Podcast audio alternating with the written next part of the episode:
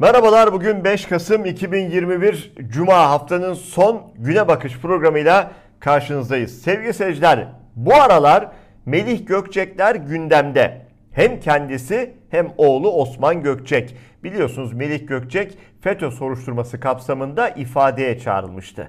Sonrasında tabi eli ayağına dolaştı ve Erdoğan'a üstü kapalı tehdit mesajı gönderdi. Ben yanarsam sen de yanarsın dedi. Sonrasındaysa oğlu Osman Gökçek'ten ikinci hamle geldi. Seyredelim bu hamleyi sonra üzerine biraz konuşalım. Gazeteci Barış Pehlivan hakkında FETÖ'den soruşturma başlatılan eski Ankara Büyükşehir Belediye Başkanı AKP'li Melih Gökçek'in Cumhurbaşkanı Recep Tayyip Erdoğan'la ilgili planına dikkat çekti.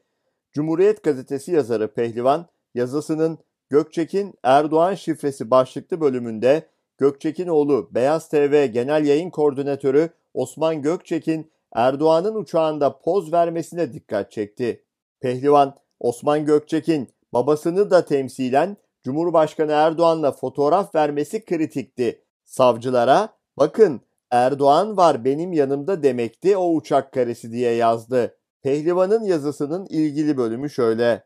Neymiş? Osman Gökçek'in G20 zirvesine giden Cumhurbaşkanı Erdoğan'ın yanında ne işi varmış? Neymiş? Sahibi olduğu Beyaz TV'de başka gazeteci yok muymuş ki oğul Gökçek gitmiş Roma'ya. Neymiş? Erdoğan'ın uçağına onu kim almış? Tamam şaşırma duygumuzu kaybetmeyelim lakin hafızamızı da diri tutalım. Ankara Cumhuriyet Başsavcılığı Melih Gökçek hakkında FETÖ soruşturması başlattı mı?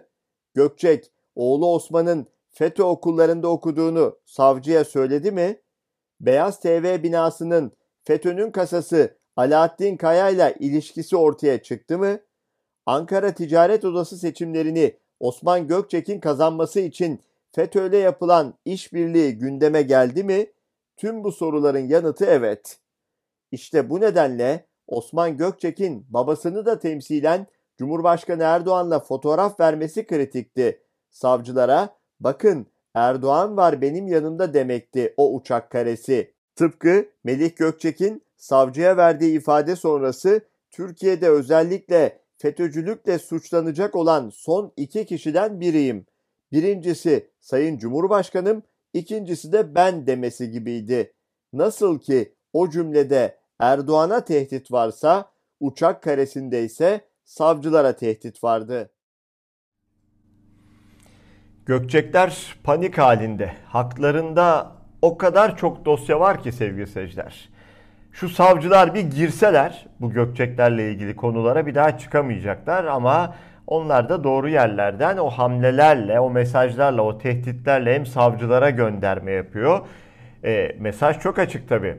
O savcılara diyorlar ki sen o dosyayı bir açarsan, sonra o ifadeler alınırsa, sonra o çorabın böyle ipini böyle bir çekmeye başladığında o sökükten o bütün ip gelir. O ipin ucu nereye dayanır? O mesajları çok güzel veriyorlar. Oysa milli eğitime bak bağlı, milli eğitime bağlı okullarda öğretmenlik yapmış sıradan insanların bile cezaevinde 5. yılını doldurduğu bir Türkiye var. Bir AKP yargısı var ama Gökçeklerin dokunulmazlığı bir şekilde devam ediyor. Biliyorsunuz yeni başkan Mansur Yavaş bile canlı yayında açıklamış ve Melih Gökçek'le alakalı o dönemle alakalı yüzden fazla dosyayı savcılığa teslim ettiğini bizzat söylemişti. Tık yok sevgili seyirciler tık yok. Tuhaf bir dokunulmazlık var.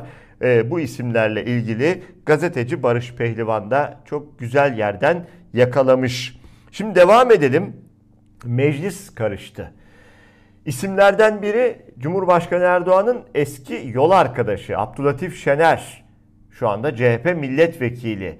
AKP'lilerle tartıştı ve onlara dönüp dedi ki hırsızlar ordusuna döndünüz. Tayyip Erdoğan belediye başkanı değilken ben milletvekiliydim, grup başkan vekiliydim. Tayyip Erdoğan milletvekili değilken ben Maliye Bakanıydım. Tayyip Erdoğan daha henüz kabineye girmeden önce ben Maliye Bakanlığı yapmış, Başbakan yardımcılığı yapan biriydim. Ve parti kurulurken kendisi dahi bizde lider partisi yoktur. Biz kadro partisiyiz. Biz kadro partisiyiz. Siyasi partiler kanuna göre genel başkan seçmek zorunda olduğumuzdan dolayı ben genel başkanım ama eşitler arasında birincilik gibi düşünün bunu diye kendi ağzından söylemiştir. Bizi kendisiyle eşit görüyor. Ve ka- kabinede de davasını satan bir kadro davasını satmışsa onların peşinde gidenler davasını satmıştır. Dava parti değildir. Dava particilik değildir. Partiyle davanın ilgisi var? Hırsızlar ordusuna döndünüz be. Hırsızlar ordusuna. Konuşup durma. Laf atıp durmayın. Partiden ayrılıp yanlışlar yapıyorsunuz. Ben artık bu işte yokum dediğinizde hemen diğer AKP'liler tarafından o dava neyse davaya ihanetle suçlanıyorsunuz sevgili seyirciler. Bakın bu durumu bu durumu bir başka CHP'li vekil Gürsel Tekin çok güzel özetlemiş tek bir Twitter mesajıyla. Sayın Abdülatif Şener konuşunca AKP'liler davayı sattın diye hakaret etmiş. Ben merak ediyorum. Bu nasıl bir dava ki rüşvet alınca bozulmuyor. Hırsızlık yapınca bozulmuyor. İş adamlarına çökünce, pudra şekeri içince bozulmuyor da eleştirince bozuluyor. Evet güzel söylemiş. Bunların dava dediğine bakmayın. Davaları, mavaları aslında kutsalları yok sevgili seyirciler. Kutsalları işte çıkar. Çıkar amaçlı bir yapı. Buna suç örgütü de denen de, diyenler var. Özellikle mesela Ahmet Şık bunu güzel söylüyor. AKP diyor bir siyasi parti değildir. Karşımızda bir e, suç örgütü vardır diyor. Çünkü suçlar işliyorlar. Ve bunların tamamı somut suçlar sevgili seyirciler. Tek bir dokunulmazlıkları var. Yargıyı ele geçirdikleri için soruşturulamıyorlar. Ellenmiyorlar. Araştırılamıyorlar. Medyayı da ele geçirdikleri için, kontrol ettikleri için bunlar haber de olmuyorlar. Yani bunlar suç işleyebiliyorlar. Onların suç işleme özgürlükleri var. Oysa ortada bir siyasi parti yok. Dava dedikleri de bu aslında çıkar ilişkileri. Bunu fark edip bu gemiyi terk eden olduğunda sen davaya ihanet ettin diyorlar maalesef. Belki de konuşulması, üstünde en çok durulması, dertlenilmesi ve çözülmesi gereken problemlerin başında halkı şu anda inim inim inleten, belini büken hayat pahalılığı ve enflasyon sorunu geliyor. Ekonomistlerin %20'nin üzerine çıkmasını beklediği yıllık enflasyon TÜİK'e göre %19,89'da kaldı. Tüketici ve üretici enflasyonu arasındaki makas rekor seviyede açıldı. Bir gün gazetesine konuşan ekonomist Güldem Atabay, mevcut iktidarın pili bitmiş durumda dedi. Zamlar arttıkça enflasyon da artıyor. Bu durumda en büyük hasarı düşük gelirliler alıyor. Dar gelirlilerin gıda enflasyonu %35'in üzerine çıktı. Sosyal yardım alan kişi sayısı her geçen gün yükseliyor. Belediyeler kara kış fonu için çalışmalar başlatıyor açıklaması yaptı. Evet TÜİK ne yapıyor, ne ediyor? Biliyorsunuz o enflasyonun %20'nin üzerinde çıkmaması için ellerinden geleni yapıyorlar. %19 nokta bilmem kaç filan o noktada bırakıyorlar. Oysa bağımsız kuruluşların açıkladığı, ENE grubun açıkladığı enflasyon şu anda %50'ye dayanmış durumda. Ki gerçek enflasyon tam da budur sevgili seyirciler. Önümüz kış, özellikle ısınma büyük problem olacak. Bakın bu konuyla alakalı önemli bir haber. Metropol araştırmanın anketine göre her 10 katılımcıdan 8'i bu kış ısınma sorunu yaşayacağını söyledi. Anket sonuçlarını şirketin kurucusu Özer Sencar Twitter hesabından paylaştı. Buna göre bu kış ısınmak için kömür ve doğalgaz alımında çok zorlanacağını belirtenlerin oranı %57,4. Biraz zorlanacağını söyleyenlerin oranı ise %24,9 oldu. Zorlanmayacağını söyleyenlerin oranı ise %15,9. en çok HDP seçmeni %73,9'la çok zorlanacağını söylerken zorlanmayacağını belirtenlerin çoğunluğu %33,3 ile AKP seçmeni oldu. Kasım ayına rekor doğalgaz zammı ile giren Türkiye geçen ayın neredeyse her gününü zam haberleriyle geçirmişti. Her şeye iğneden ipliğe zam geliyor. Markete çıkıyor bir vatandaş bir ay sonra o marketteki aynı ürünü aynı fiyata alamıyor. Peki maaşlar aynı şekilde artıyor mu? Artmıyor. Artmadığı için de işte insanlar büyük sıkıntı yaşıyorlar ve o enflasyonun altında tam manasıyla eziliyorlar ki ne yazık ki ekonomistlerin önümüzdeki aylar için uyarıları çok daha ürkütücü bir tabloyu da gözler önüne seriyor. Ne diyelim? Allah herkesin yardımcısı olsun. Başka diyecek bir şey bulamıyoruz sevgili seyirciler. Peki halk, vatandaş bu zorluğu yaşarken yandaşlarda, ayrıcalıklı kesimde durum ne? İsterseniz bir bakalım hızlıca. Önemli bir haber Sayıştay raporu ortaya çıkardı. Yandaş şirketlerin doğalgaz faturalarını bakanlık ödemiş. Cumhuriyet'ten Sarp Sağkal'ın haberi. Sayıştay'ın 2020 yılı raporuna göre şehir hastanelerini yapan bazı şirketlerin işlettiği ticari alanların doğalgaz faturalarını Sağlık Bakanlığı ödemiş. Gerçekten büyük bir skandal. Vatandaş evini ısıtacak gücü kendinde bulamazken faturamı nasıl ödeyeceğim diye kara kara düşünürken yandaşın doğalgaz faturasını bile devlet ödüyor. Aslında siz ödüyorsunuz. Halk ödüyor. Çok korkunç büyük bir skandal gerçekten. Bir başka haber. Aile Bakanlığındaki usulsüz ödemelerin araştırılması önergesi AKP, MHP oylarıyla reddedildi. CHP'li kasap ne demiş? Kamu zararı son 3 yılda yaklaşık 11.6 milyar TL'ye ulaştı. Alın size bir başka skandal sevgili seyirciler. Şu gelmiyor mu aklımıza? Her seferinde böyle oluyor. Bir önerge veriliyor ve klasik cümle AKP, MHP oylarıyla reddediliyor. Yahu Aile Bakanlığı'nda bir usulsüzlük varsa ve bu artık korkunç bir hale gelmiş, milyar TL'ye ulaşmışsa bunun araştırılması neden istenmez? Bakın çok basit bir soru soruyoruz. Bunun araştırılması neden istenmez? Araştırılsın.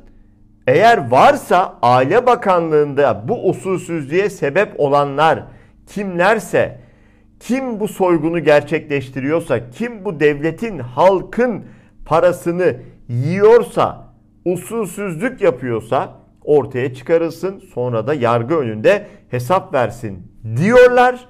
Önerge veriyorlar ama klasik AKP ve MHP oylarıyla reddediliyor. Levan dergisinden yine çarpıcı bir kapak var sevgili seyirciler. Önce bir kapağa bakalım. Türkiye cezaevlerinde binlerce akademisyen var. Çok vahim bir tablo sunacağım. 460 doktoralı mahpus, 2371 yüksek lisans mezunu mahpus, 27515 üniversite mezunu mahpus. Boğaziçi Üniversitesi'nde 449 doktoralı öğretim üyesi bulunurken hapishanelerde 460 doktoralı mahpus var. Kimin sözleri bunlar sevgili seyirciler? HDP milletvekili Ömer Faruk Gergerlioğlu bu sözleri mecliste sarf etti. Ve vekillerin tabi gözlerin içine baka baka söyledi. Leman da bunu kapağına taşımış. Ve işte o karikatür. Eğit be dünyanın en iyi 100 üniversitesi arasına sadece Türkiye'den bizim bura girmiş. Ne diyorsun la? Burası üniversite değil ki. Ne bileyim lan? Seçmişler işte. Ahanda orada yazıyor. Neresi orası? Adalet Bakanlığı'na bağlı Silivri Cezaevi sevgili seyirciler. İşte Türkiye'nin hazin durumu, hazin tablosu. Eğitimde yerlerde sürünen bir ülke var. Ülke haline getirildi. AKP iktidarı döneminde eğitimli kitle, üniversiteliler, doktoralılar, düşünen, yazan, çizen, soran, soruşturan kim varsa AKP yargısı tarafından hapsedildiler. Suçlarının olmadığını hepimiz, siz, biz, herkes çok çok iyi biliyor. Ama öyle istedikleri için şu anda hala cezaevlerinde ömür çürüten on binlerce insan var. Hak savunansa bir elin parmağını gerçekten geçmiyor. Milletin meclisinde bunları gündeme getiren gerçekten 3-5 milletvekili var. Geçmiyor bir elin parmağını. O isimlerden biri de az önce bu sözleri de söyleyen Ömer Faruk Gergerlioğlu'ydu. Bakın Gergerlioğlu bir vahim durumu daha gündeme getirdi. KHK'lı öğretmene servis şoförlüğü bile yasak. Öyle bir nokta ki bakın önce mesajı okuyayım. Ondan sonra konuşalım. 4 yıldır aracıyla yaptığı servis şoförlüğü iptal edildi. Şoför tutayım aracıma dedi. Onu da kabul etmediler. Açlıktan ölene kadar mı bu zulmünüz? Beraat de etmiş. Hiçbir bahane yokken bu infaz niye? Bakın bir öğretmen KHK ile kanun hükmünde kararname ile AKP tarafından mesleğinden, ekmeğinden, işinden edilmiş bir öğretmen. Boş durmuyor. Servis şoförlüğü yapıyor. Ona da mani oluyorlar. Daha da ötesi var. Bu arada hakkında bir artık iddia da yok. Beraat etmiş. Tertemiz birisi. Tek suçu var. Suç suç dediğime bakmayın. KHK'lı olması. Bakın belgesini de paylaşmış Ömer Faruk Gergerlioğlu.